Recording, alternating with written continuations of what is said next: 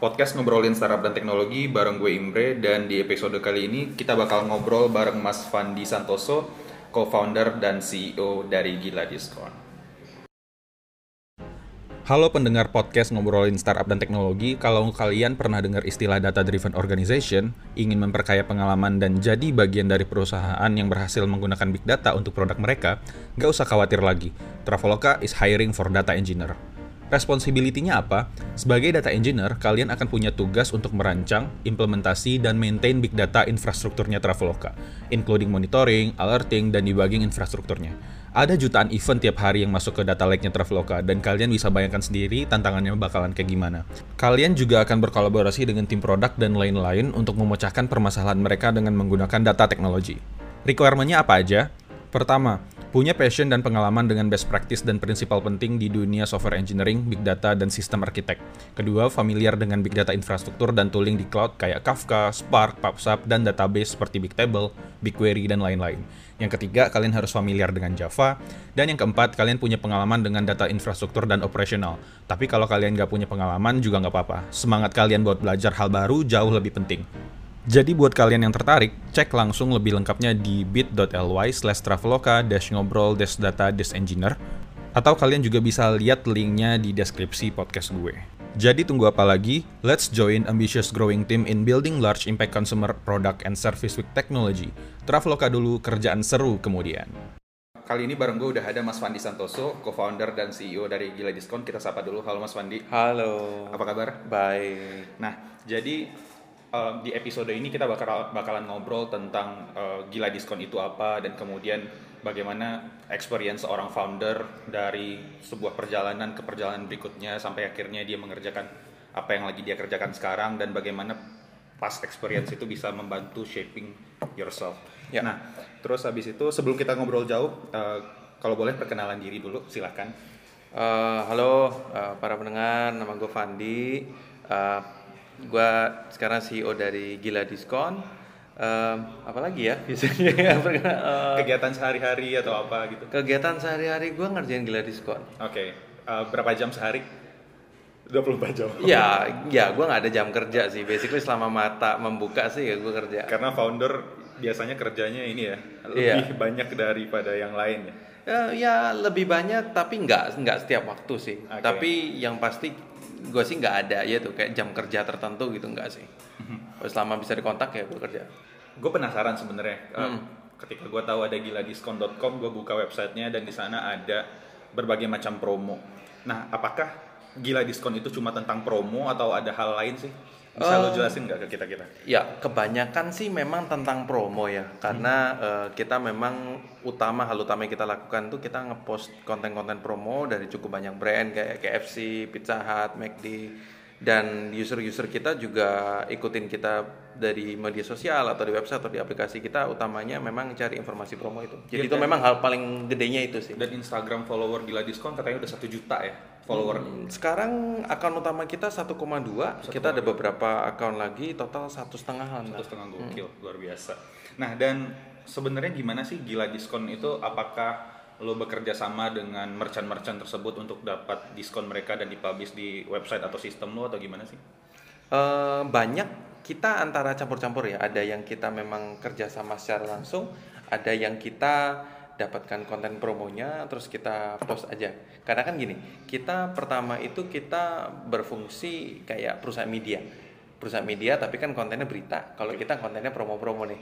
Nah, selayaknya perusahaan media tidak semua konten yang dinaikkan itu kan hasil kerjasama kayak gimana kan enggak. Hmm. Kadang-kadang ya kita kita menemukan konten tersebut dan kita naikkan sebagai kontennya kita. Tujuannya untuk datengin follower bagi kita. Berarti ini ya, uh, lu punya crawler juga segala macam untuk atau itu dilakukan? Crawlernya manusia sih. Oh manual iya, ya. Manusia. I see. Nah, uh, gue penasaran kalau kayak gitu promo kan biasanya dikasih oleh sebuah merchant untuk ngebantu orang traction beli produk dia. Ya. Nah sekarang gimana gila diskon itu take benefit out of it? I mean monetisasi dari gila diskon ini kayak gimana sih?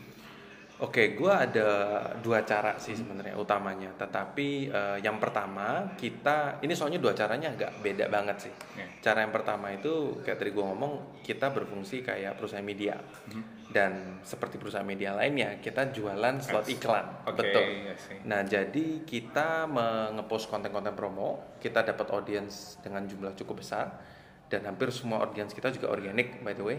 Jadi makanya conversionnya juga hasilnya bagus. Nah karena dengan jumlah audience yang cukup besar, hasil conversion cukup bagus, banyak brand yang berminat untuk ngiklan ke audience gila diskon. Oh, Jadi kita oke. jualan slot iklan. Itu yang itu yang pertama sih yang kita. Berarti mereka lakukan. mau bikin promo dan promo itu pun diiklankan. betul. I see. Dan terus terang kalau klien yang ngiklan di Gila Diskon eh, memang kebanyakan tentang promo, tetapi nggak semuanya. Eh, banyak juga yang tentang mereka baru launching produk baru atau mereka baru buka outlet baru di mana gitu. Itu mereka pakai kita juga. Berarti tentang produk, uh, rilis dan segala macam ya. Ya, ya. Nah, uh, terus segmen user gila diskon ini kayak gimana sih? Kebanyakan cewek. Kebanyakan Hampir 80% cewek usia 18 sampai 35. I see. Tinggalnya sekitar 60 persenan Jabodetabek lah. Jabodetabek. Sisanya cukup tersebar sih. Kebanyakan memang tapi di Jawa. Oke. Dan uh, gimana caranya lo memakai knowledge itu untuk uh, apa ya nge-leverage bisnis lo? Ada nggak? Ada. Kiat-kiatnya kayak gimana?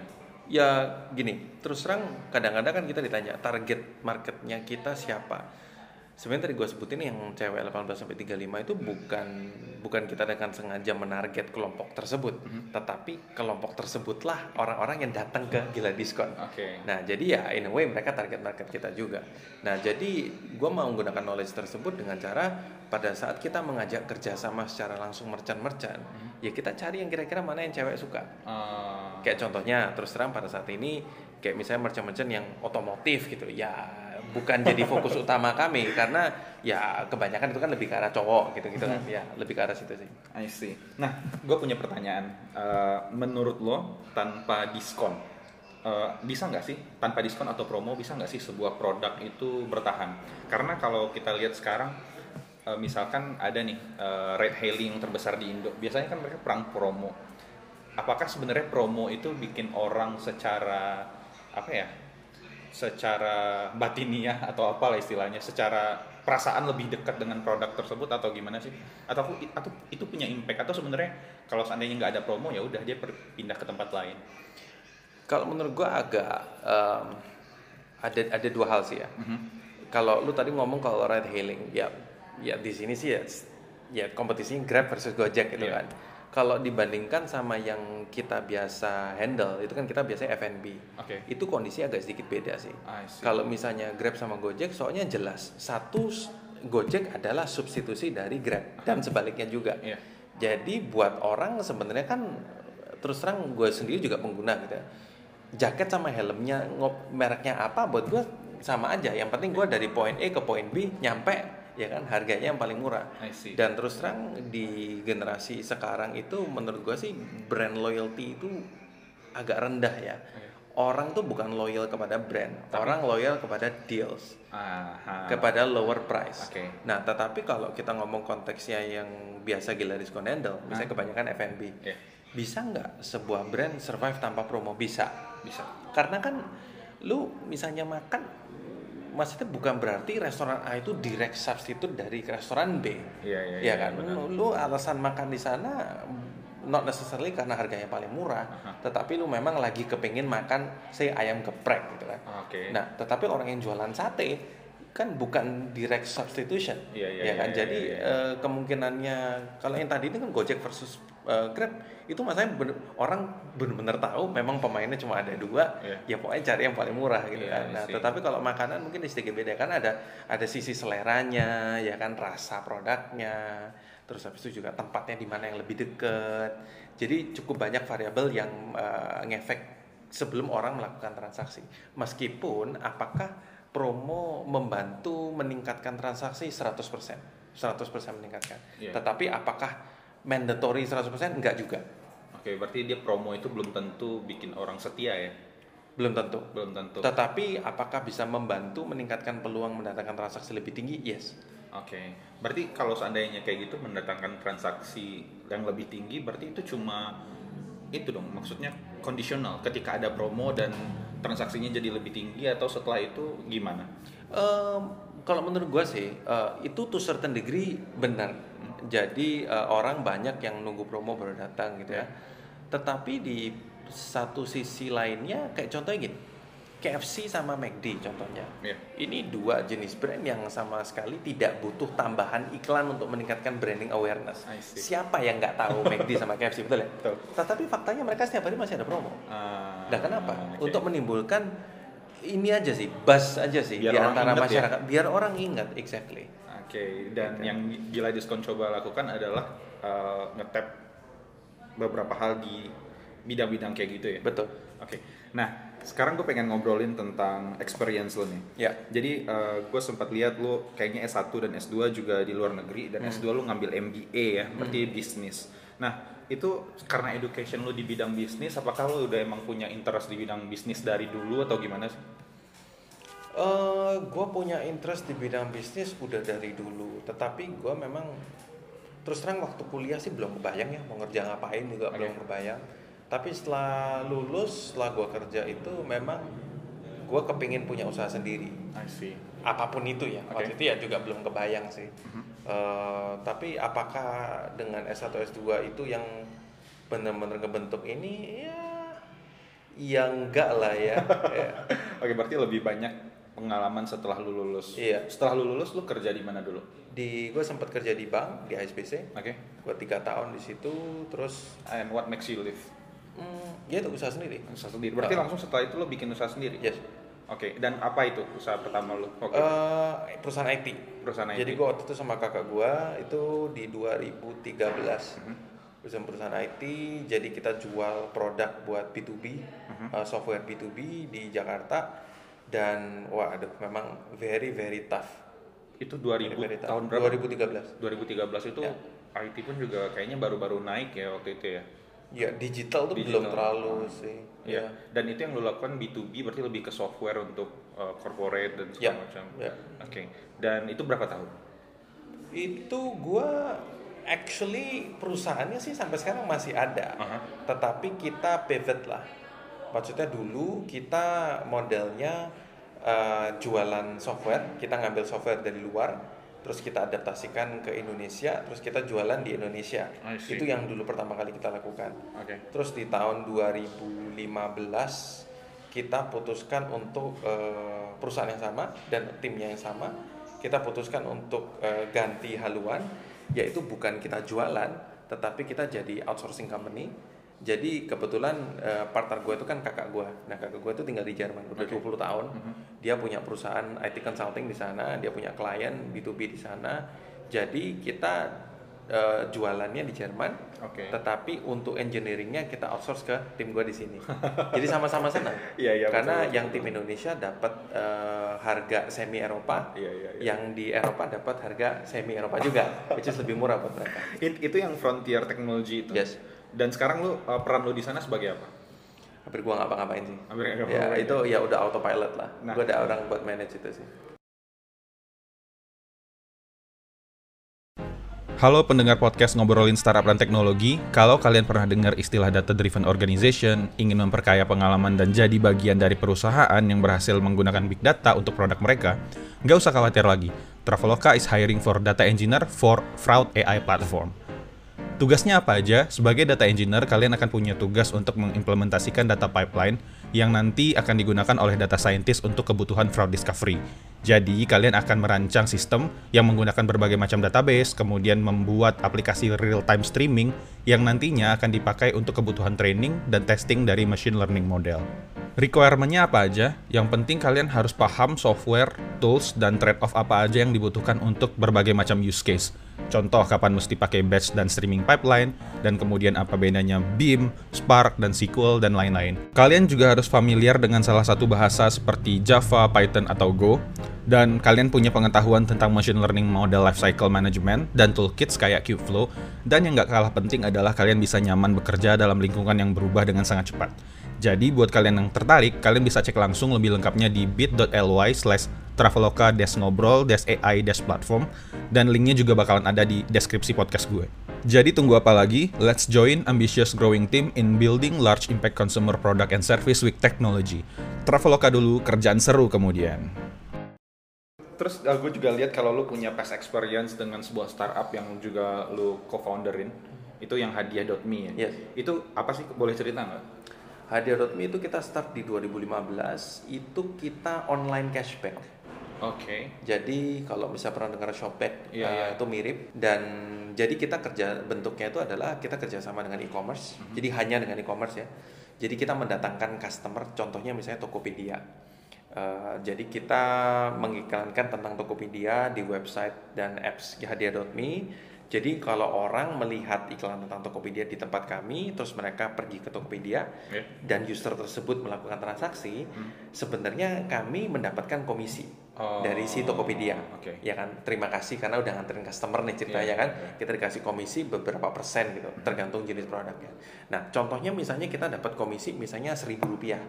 Dari seribu itu mungkin kayak 6000 atau 7 eh sorry 600 atau 700 rupiahnya kita kembalikan ke customer sebagai cashback. Oke. Sisa 200 300 rupiahnya ya jadi revenue perusahaan. Oh. Jadi kita mainnya seperti itu sih. I see. Nah, eh, itu kalau nggak salah itu bertahan 2 tahun sampai 3 tahun atau masih bertahan sampai sekarang? Eh, sebenarnya jadi kita waktu itu gabungin sama Gila Diskon. Oh, jadi waktu itu oke. kita eh, hadiah.me start di 2015, kita Gila Diskon 2017. Mhm. Dan tahun lalu di tahun 2018 kita akhirnya karena satu dan lain hal kita memutuskan untuk menggabungkan Gila Diskon dan hadiah.me dan sekarang namanya yang stay adalah Gila Diskon. I see. Tapi diserap sih. Nah, dari pengalaman lo ngerjain uh, hadiah.me dan akhirnya merger ya, Ya. boleh dibilang merger nggak sih ke Gila Ya, way. Itu uh, lesson learn apa sih yang lo dapat lesson learn paling berharga tentang bisnis atau tentang apa pun itu? Sebisa mungkin kita punya produk sendiri. Oke. karena di pengalaman gue yang di hadiah.me itu eh, salah satu kelemahan terbesarnya at least dari bisnis model yang kita punya waktu itu ya. Kan kita kerjasama dengan e-commerce. Iya. yang menentukan komisinya si e-commerce-nya. Yang menentukan apakah transaksinya valid apa enggak si e-commerce-nya.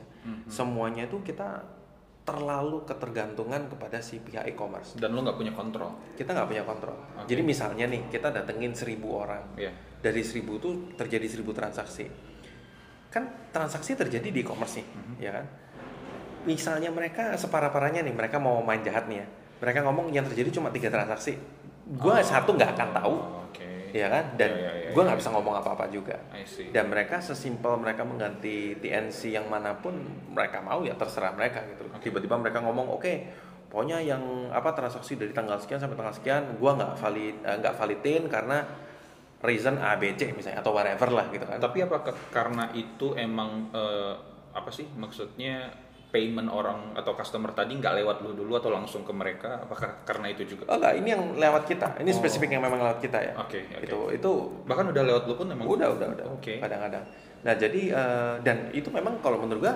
dalam hal ini si e-commerce-nya juga nggak salah ya Iya. itu hak mereka karena kan program kerjasamanya kan juga dari mereka Iya. Tetapi kondisinya kalau dari kita waktu itu dengan ketergantungan yang cukup tinggi itu, gue cuma merasa eh, nasibnya company gue itu di tangan orang lain. nggak? oke. Karena waktu itu kita pernah mengalami di mana eh, salah satu e-commerce partner kita yang cukup besar, waktu itu mereka mengganti salah satu syarat ketentuannya, cuma satu aja poin yang diganti. Wah revenue kita langsung drop jauh Oke. cuma ganti satu poin doang Iya, iya, iya. kerjasama. Nah makanya waktu itu gue bertekad, wah ini gue nggak bisa kayak gini gitu. Maksudnya gue harus punya produk sendiri. I see. Karena at least eh, berhasil atau enggaknya perusahaan gue di tangan kita sendiri. Kita Iya. kita yang bisa mengusahakan gitu. loh. Dan itu yang lu lakukan sekarang di Gila Diskon. Yes. And how it shape uh, Gila Diskon bisnis dari pengalaman yang tadi. Lo bikin produk sendiri, Yes. bikin platform untuk uh, ads tadi kayak gimana? Bukan. Jadi yang ads tadi, eh, nah tadi kan gue ngomong di awal cara kita monetize ada dua. Dua, baru satu ya lu Ya, bahas itu tadi baru Oke, satu, oke. betul. Cara yang kedua adalah kita membuat produk sendiri. Nah, ini hasil dari lesson learn yang hadiah tadi. Jadi kita membuat eh, namanya GD Plus, Gila Diskon Plus. Itu premium membership. Jadi Oke. membership berbayar. Mhm. Jadi keuntungannya user tuh bayar harga normal 100.000 ribu buat membership satu tahun. Nah, gunanya apa? Mereka bisa menikmati semua voucher yang ada di platform Gila Diskon semuanya unlimited. Seriously? Yes. Jadi nggak usah beli voucher satu persatu lagi, tapi semua yang ada tinggal dipakai. I think that's a big win, right? Ya, dan terutama buat uh, customer ya, selain mereka bisa menggunakan voucher sepuasnya, hampir semuanya bisa digabungin sama OVO Gobedana. Oh, Which is even better. I see. Karena kalau misalnya kita beli voucher di platform lain kan lu nggak bisa gabungin sama cashback OVO Gobedana kan? Oke. Karena lu udah bayar di depan. Oke. Kalau kita pembayaran terjadi di kasir. Makanya udah dapat diskon dari merchant plus eh, masih bisa pakai OVO Gobedana. Oke, out of my curiosity. Jadi kayak eh, tadi katakan orang subscribe 100 ribu. Ya. Eh, kayak misalkan kayak tadi dia bisa dapat unlimited promo. Hmm. Itu unlimited promo itu apakah lu dapatkan secara cuma-cuma atau gimana? Maksudnya Yes. kayak- iya iya. Yes. Oh, Yang menanggung biayanya si merchant. Oh, karena itu emang udah kerja sama sama merchant Yes. ya. Kalau itu semuanya direct partnership sama merchant. I see. Nah, Oke, kalau oke. kita sih so far dapetin merchant partner sih cukup mudah ya, karena basically gini, gua datang ke siapa pun yang punya usaha, misalnya lu punya restoran nih, ya kan, Eh, Mas mau nggak restorannya saya promosikan ke satu setengah juta orang secara gratis mau nggak? Iya iya iya. Ya mau lah ya siapa yang nggak mau gitu kan? Syaratnya cuma satu, eh, restorannya harus ngasih promo khusus untuk member gila diskon, Ah, gitu dong. Sama-sama untung. Oke oke. Karena oke, gua oke. monetasinya bukan dari sisi restoran tapi dari sisi yang customer. di satu sisi lu dapat traction, dia dapat traction dan lu juga dapat uh, banyak hal ya. Dan gua kasih data semua for free. Dan itu lu kasih data uh, lewat uh, monthly reporting kah? Nggak, kita atau- ada dashboard. Oh, jadi lu punya dashboard khusus Ya. buat merchant. Ya. Dan dia bisa akses analytics Anytime. Ya. Oke oke oke oke menarik menarik menarik. Nah, uh, interesting uh, menarik banget terus terang. Jadi, nah pertanyaan gue berikutnya, gue juga ngelihat lu punya experience dengan e-founder fellowship Alibaba. Ya. Nah itu program apa sih? Apakah lu kerja di Alibaba atau gimana? Enggak, enggak. Oke. Jadi eh, gua ikut itu batch pertama yang untuk Asia Tenggara itu tahun 2018. Oke tahun lalu ya. Eh, tahun lalu. Nah, jadi itu adalah program yang, yang diadakan oleh eh, PBB. PBB oke. Ya, khususnya salah satu branchnya dari eh, PBB yaitu Angtet. Oke. Itu eh, divisinya PBB, PBB yang menanganin perkembangan di negara berkembang lah, basically Oke. tentang bisnisnya gitu kan. Dan waktu itu salah satu advisernya di Angtet tersebut adalah si Jack Ma.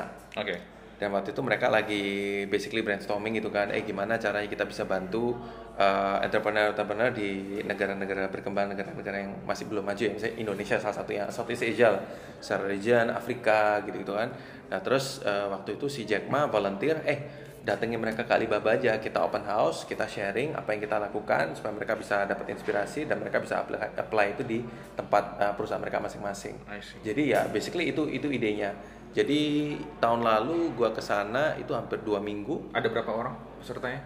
Waktu di batch gua itu eh, 20 something, hampir 30. orang. Hah? Itu dari semua berbagai negara ya? Ya dari berbagai negara. Mostly- tiga, eh, no, 30 something, 30 something. Mostly dari mana? Yang batch gua Southeast Asia. Oh, oke. Sama waktu itu nggak waktu itu belum South Southeast Asia plus Pakistan.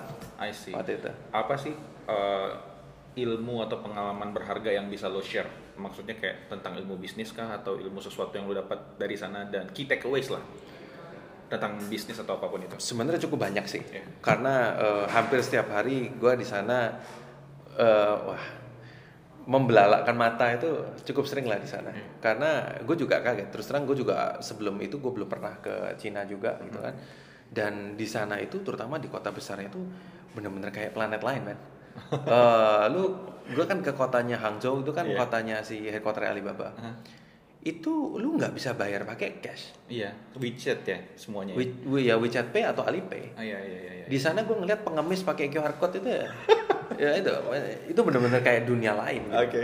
Dan gue salah satu key takeaway yang gue ambil dari sana adalah mengenai kita harus mimpi lebih besar.